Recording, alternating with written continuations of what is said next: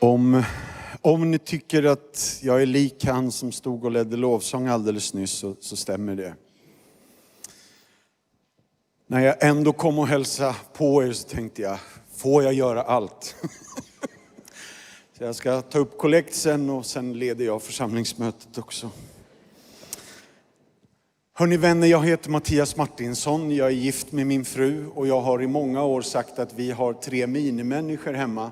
Men två av dem är längre än mig och kan slå mig anytime. Så jag säger att vi har Joel 21, Anton 19 och så har vi Ester 15. Men jag kallar dem Semham och Jafet. Jag var här i februari förra året. Precis, jag tror det var liksom näst sista helgerna innan det blev coronaläge. Vi undervisade om lovsång och vi drog några roliga historier. Jag tänkte jag tar en av dem. För lovsång handlar ytterst om identitet. Och det var en flygplats någonstans i världen där en person hamnade på flyget. Eh, personalen liksom laddar alla gästerna och han sitter i första klass och är så nöjd med sig själv. Och sen säger värdinnorna att nu måste alla gå av planet, det är tydligen något fel. Så vi får gå och ställa oss i den här gatekön igen. Men han satt ju i första klass och ville inte stå i någon kö med andra klassare. Kön han bli lång innan han kom av planet och han var redan irriterad. Jag vet inte hur många meter det var fram till kassan. Men han beslutar sig att kliva ur kön, gå fram till den ensamma svettiga expediten som ska lösa allt detta för alla nu. Och så säger han till henne, ursäkta mig men vet du vem jag är? Och hela kön känner, godnatt gubbe, gå och sätt dig i Jesu namn längst bak. Och den här lilla värdinnan där, den här flygvärdinnan, alltså hon hade sinnesro. Hon var samlad vid det här ögonblicket så hon tänker, nu tar jag tillfället i akt. Jag har ju ändå en liten mikrofon här i kassan. Så hon tar den där mikrofonen och så säger hon, Ursäkta mig, ett allmänt upprop till alla här på flygplatsen. Vi har en herre framme vid gate 14 som har förlorat sin identitet. Någonstans här på flygplatsen så är det någon som hittar den, är ni välkomna till gate 14. Och hela kön kände yes! Inte riktigt kristet men sån är jag. Det här tycker jag är kul. Därför att lovsång handlar ytterst om identitet. Vem är jag? Eller mer, vems är jag? Och vad blir mitt gensvar på vems jag är? Ja, då är det ju tillbedjan som gäller. Så den texten som Ellen har läst, jag vet att ni har gått igenom liknande texter under hösten här och jag ser så fram emot att ta några minuter med de här verserna nu. Jag hoppas, hoppas ni håller upp så här, andan uppe. Annars får ni peta på varandra. Tim Keller är en av mina absoluta favoritpredikanter och han har sagt de verserna som Ellen just har läst är en sammanfattning av hela det kristna livet. Och någon har sagt att de här verserna är de mest betydelsefulla och de viktigaste orden som någonsin skrivet i hela mänsklighetens historia. Och mästerpredikanten Martin Lloyd Jones från England predikade tio predikningar på bara de här två verserna. Tio långa predikningar och alla finns gratis på nätet. Så jag ställer mig själv fyra frågor. Ta bort en finger. Fyra frågor idag. Frågorna är rätt så enkla, de kommer på powerpointen. Varför vädjar Paulus? Till vilka vädjar Paulus? Och med vilken auktoritet vädjar han? Och vad vädjar han om? Det är mina fyra frågor till oss här idag. Och vi tar den första frågan för att vara lite systematiska här då. Varför vädjar den store Paulus? Hallå, vilka är det han pratar med? Jag skulle vilja säga, han pratar ju med sin församling i Rom. Den han har startat i egenskap av apostel. Och då tänker jag, när man är apostel, borde man inte kunna ta i lite då? Varför vädjar han? Varför har han skrivit i elva långa kapitel? Och nu i kapitel 12 så kommer han till oss och vädjar. Så istället för att liksom ta till bröströsten och ta i mer och säga, nu gör ni som jag säger församlingen i Rom. För det skulle han ju i en mening kunna ha någon rätt att göra. Istället väljer han att sänka rösten. Och så säger han, snälla ni, lyssna nu. Nu har jag pratat i elva kapitel. Ganska, ganska många, långa kapitel. Ganska tung teologi får vi ändå säga. Det är ingen dålig text han har kommit med. Elva kapitel. Och han har undervisat. Och nu säger han, det var lära. Nu kommer vi till liv. Nu ska vi praktisera. Nu ska vi omsätta. Nu ska vi göra praktik av allt det vi hittills har fått fram.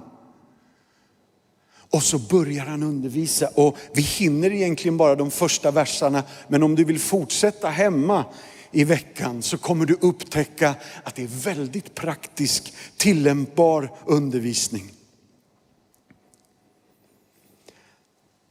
Tänk dig följande. Jag kommer hem med blommor till min fru Therese. Det tillhör ovanligheterna. Så hon skulle säkert bli överlycklig. Och precis när hon är liksom på toppen av att beskriva sin lycka så avbryter jag henne med att säga, det är ändå bara min plikt och skyldighet. Hur upplever hon blommorna då? De är värda lika mycket som när jag köpte dem i affären. Men just nu är det upplevda värdet lika med noll. Det är därför han vädjar. Det är därför han inte tar i från källan och liksom höjer rösten och pekpinnen. Utan han kommer underifrån. Snälla ni, kolla här. Vad är det texten säger? Därför vid Guds barmhärtighet. Och jag tror att jag redan är inne på punkt nummer två.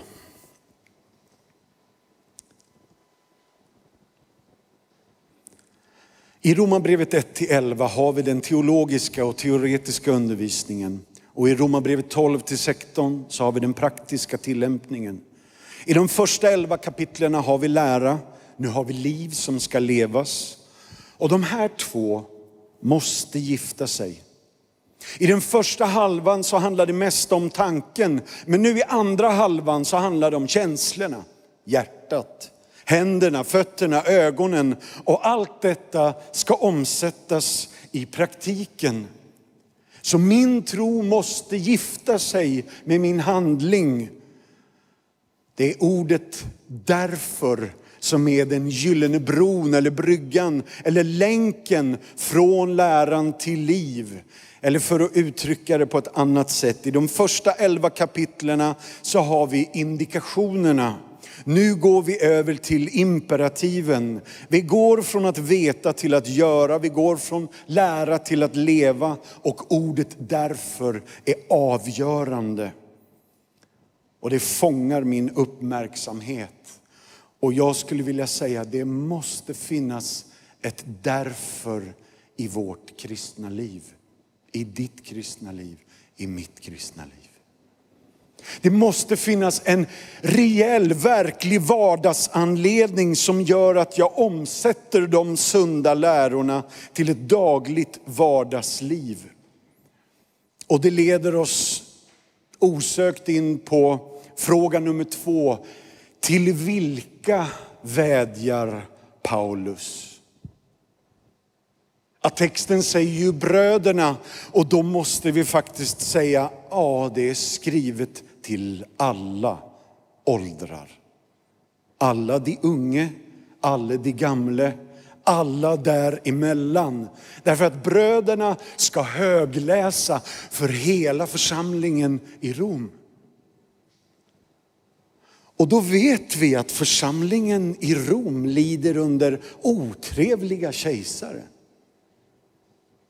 Som grillar folk i trädgården och som slaktar folk och församlingsmedlemmar, vänner, syskon och föräldrar på den stora areopagen. Så priset för dem att omsätta teorin i praktiken är ganska högt. Och det är därför han sänker rösten och vädjar och säger alla ni unga, alla ni gamla, frambär er själva som ett levande och heligt offer. Och här blir han lite fnissig när han skriver. För han skriver offer och levande i samma mening. Och de här vännerna vet att det finns inga offer som lever förrän nu. Nu är, från och med nu, ska offret vara levande. Och det är enklare att vara ett offrat offer. För då gör man inte så mycket. Men nu säger han, ni ska leva. Och det är därför omsättningen, praktiken är lite krångligare. Det vi letar efter är alltså en lovsjungande kyrka för alla generationer och nationer där vi inbjuder alla de äldre att vara lite andliga fäder och andliga mödrar till de nyfödda i tron och de oerfarna i tillbedjan. Lyssna här på psalm 71 och vers 6 och vers 17 och 18. Från min första stund har du varit mitt stöd. Från moderlivet min styrka. Jag sjunger ständigt ditt lov. Jag har blivit ett tecken för många i min fasta förtröstan på dig. Min strupe fylls av lovsång till dig. Dagen lång vill jag sjunga till din ära. Stöt inte bort mig på min ålderdom och överge mig inte när krafterna sviker. Gud, från min ungdom har du fostrat mig och ännu förkunnar jag dina under. Överge mig inte, o oh Gud, när jag är gammal och mitt hår har grånat. Nu då, låt mig förkunna din kraft för nya släkten. Så vi som är lite äldre och har lite grått i skägget får träna, lära, fostra, hjälpa de som är lite yngre. Men vi har ett samhälle som har sprängt broarna mellan generationerna. Och så kommer texten och säger, Gud bygger upp bron igen med hjälp av tillbedjan. Lyssna på psalm 145 och vers 3 och 4. Stor är Herren, högt är han prisad. Ingen kan fatta hans storhet. Släkte efter släkte ska hylla dina verk och vittna om dina väldiga gärningar. Så vi förväntar oss inte att alla alltid ska sjunga tillsammans, vara tillsammans. Men kyrkan är den gemenskap som möts över alla dessa gränser. Så någon gång i veckan ses vi, sjunger ihop oss som ett folk. Därför att det är så Gud på något sätt har flätat oss samman. Det var så Israels folk historiskt förde vidare sin berättelse om Guds trofasthet och eviga löften. Så vi sjunger ihop oss. Om vi inte sjunger så samlas vi inte. Men lyssna nu. Vi sjunger när vi samlas för sången samlar oss. Vi enas i tillbedjan. Vi tar två bibelverser till bara innan vi går tillbaka till romabrevet. Vi förväntar oss att alla generationer möter Gud på sitt sätt. Joel 2 och 28. Det ska komma en tid då jag utgjuter min ande över alla. Era söner och döttrar ska profetera, era gamla män ska ha drömmar, era unga män se syner. Den här texten talar tydligt till tre generationer. Vet inte om du har noterat i Lukas evangeliet kapitel 1 och vers 49 och 50 så finns det en väldigt lång lovsång. De längsta orden av en kvinna i hela nya testamentet. Och det är Maria, Jesu mor, som uttalar dem. Och mitt i den lovsången så hör vi att tonåringen Maria har lärt sig sången av dem som har gått före. Stora ting låter den mäktige ske med mig. Hans namn är heligt och hans förbarmande med dem som fruktar honom varar hur länge då? Från släkte till släkte. Jag skulle kunna ge ganska mycket för att få höra den här lovsången. För det här är ett gensvar från Marias innersta när hon har gått en nio dagars eh, retreatresa från Nasaret till troligtvis Ankerem utanför Jerusalem. Hon har gått ensam, hon har inte haft med sig någon åsna. Och när hon kommer fram till Elisabet, den äldre, som troligtvis har lärt henne sjunga från början. Så sjunger Elisabet en kort lovsång och sen som gensvar på det så exploderar Maria i den här långa lovsången som är från generation till generation. Så vi behöver lära oss att göra detta tillsammans. Vi måste ta punkt tre. Med vilken auktoritet vädjar han? För aposteln Paulus, han behöver ju inte bara berätta för oss, han kommer att övertyga oss. Han motiverar oss och han tänder en tändsticka och får fyr på någonting i församlingen. Sätter den på något sätt under oss. Som en motivation för att leva våra liv för Guds ära. Och vad är då själva bränslet? Är det hans auktoritet? Nej. Vid Guds barmhärtighet. Wow. De av er som regelbundet går på hiphopklubbar, ni vet att det finns ett ögonblick som kallas för drop the mic. Där man bara släpper micken i backen och det smäller och skräller för att nu har man sagt allt. Här har egentligen Paulus sagt allt. Istället för att höja rösten och bli arg och pekpinnar så sätter han sig ner och vädjar. Kära örebroare. Kära Philadelphia. Älskade vänner. Vid Guds barmhärtighet frambär dig själv som ett offer till Gud varje dag. Du ska inte sluta leva, du, utan du ska istället leva med en motivation, ett bränsle av Guds barmhärtighet. Att varje dag är en gåva och en möjlighet. Och i det så likt Maria får vi lära oss att sjunga lovsång mitt i motståndets ansikte. Så blev det för mig i familjen.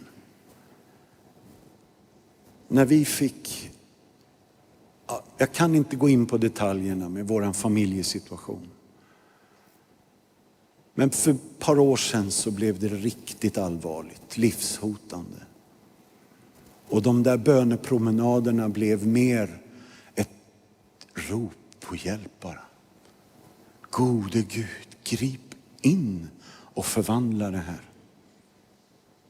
Eller sommaren 2014 när våran vän Emanuel blev dödssjuk i cancer vid påsk eh, och dog i juli. Vi hade begravning i augusti. Det var den absolut svåraste begravningen jag haft. Och hans nyblivna änka Jenny, 32 år gammal, med August, 10 dagar född. Efter att pappa har dött. Det var inte enkelt att lovsjunga då. Det var ett högt pris på den sången. Men Emanuel tvingade oss att sjunga in i det sista.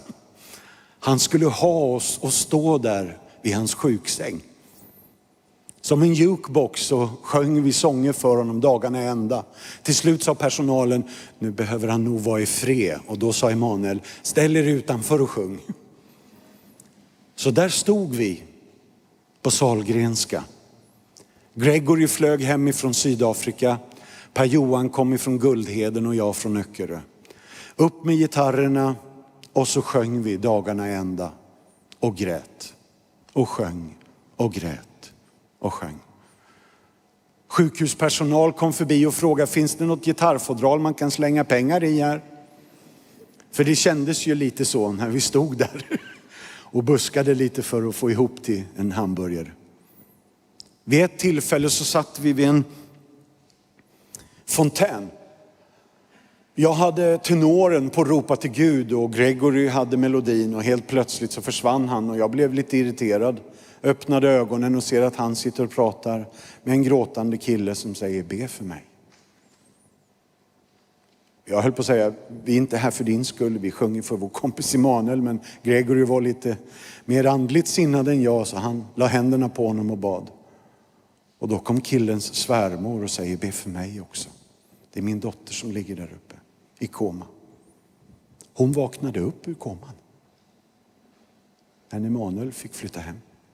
Så det är märkligt livet. Men vi är ett sjungande folk ändå. Så med vilken auktoritet vädjar han? Vid Guds barmhärtighet ska strax gå ner för landning och ta sista punkten, men jag måste bara säga, är inte det här med de här ständiga uppmaningarna lite manipulativa? Jo, om jag hade bett er att swisha mig så hade det varit väldigt manipulativt.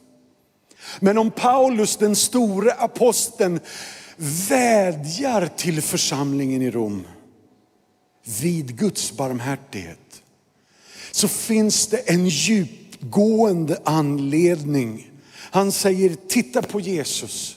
Se en fullständigt villkorslös kärlek som låter dig motiveras utan att manipuleras. Och vi måste ta sista punkten nu då.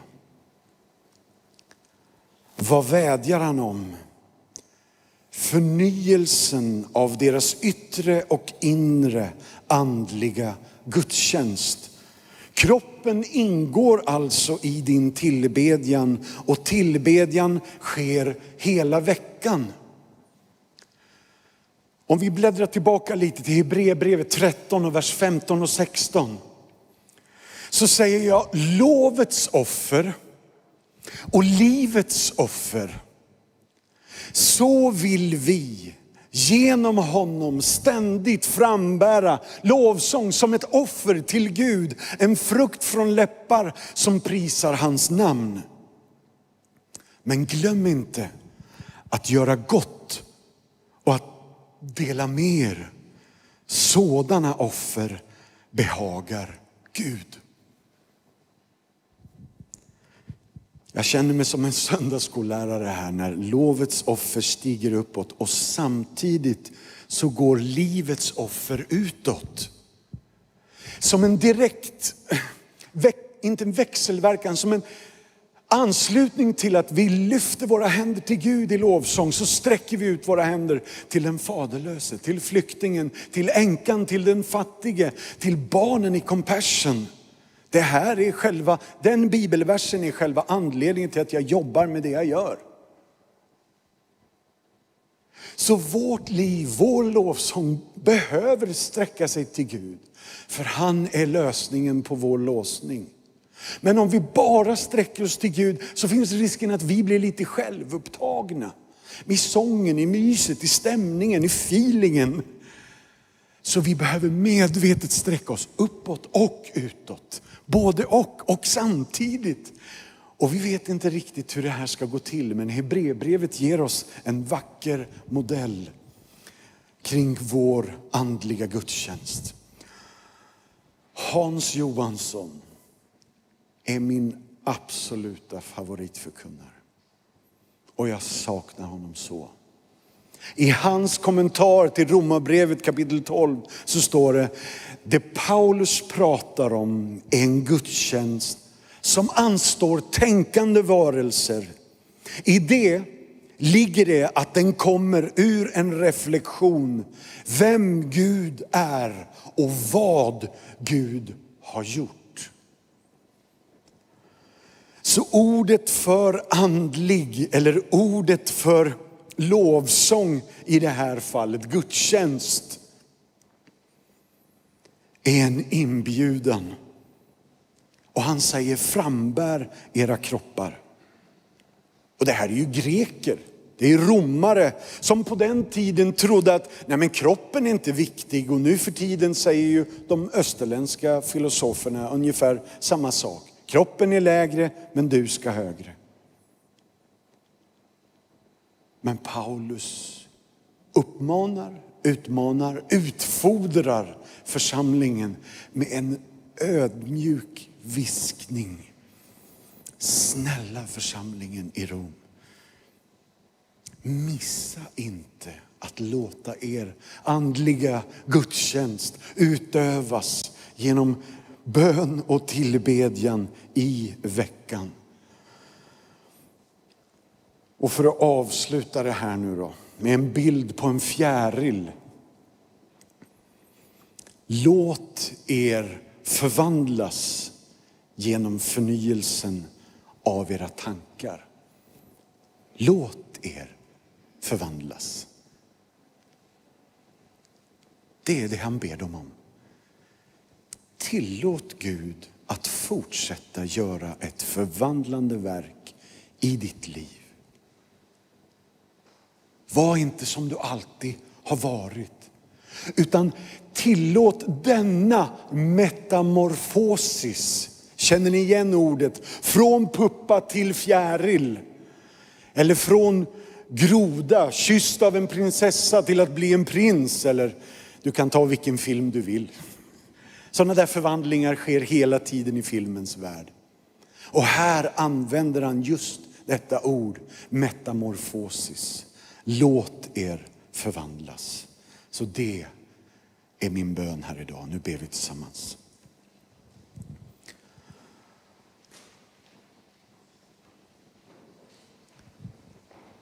Gode Gud. Den här texten alltså. Tack för din kärlek till oss. Tack för att Paulus inte höjer rösten. Det är så klokt, vilken pedagog Gud. Att han sänkte rösten istället och vädjade till Rom så att vi kan ta detta till oss idag. För vi slår ibland dövörat till när folk blir gapiga. Herre, viska in i vårt inre om vår andliga gudstjänst, vår vardag, vår tro omsatt i praktiken. Vår teori och praktik och handling, våra gärningar. Herre, vi vill sträcka våra händer till dig och vi vill sträcka ut våra händer till den fattige, den faderlöse, änkan och flyktingen. Herre, hjälp oss att se längre, se större, få din blick för vem du är och vad du har gett och gjort. Och det får vara vårt exempel. Det får vara vårt fortsatta bränsle. Så tack far för din kärlek till oss. Hjälp oss att sjunga ditt lov och ge din kärlek vidare till dem vi har runt omkring oss. Och vi ber så i Jesu namn. Och vi vill tacka dig för att du är en Gud som är god och hör våra böner. Amen. Amen.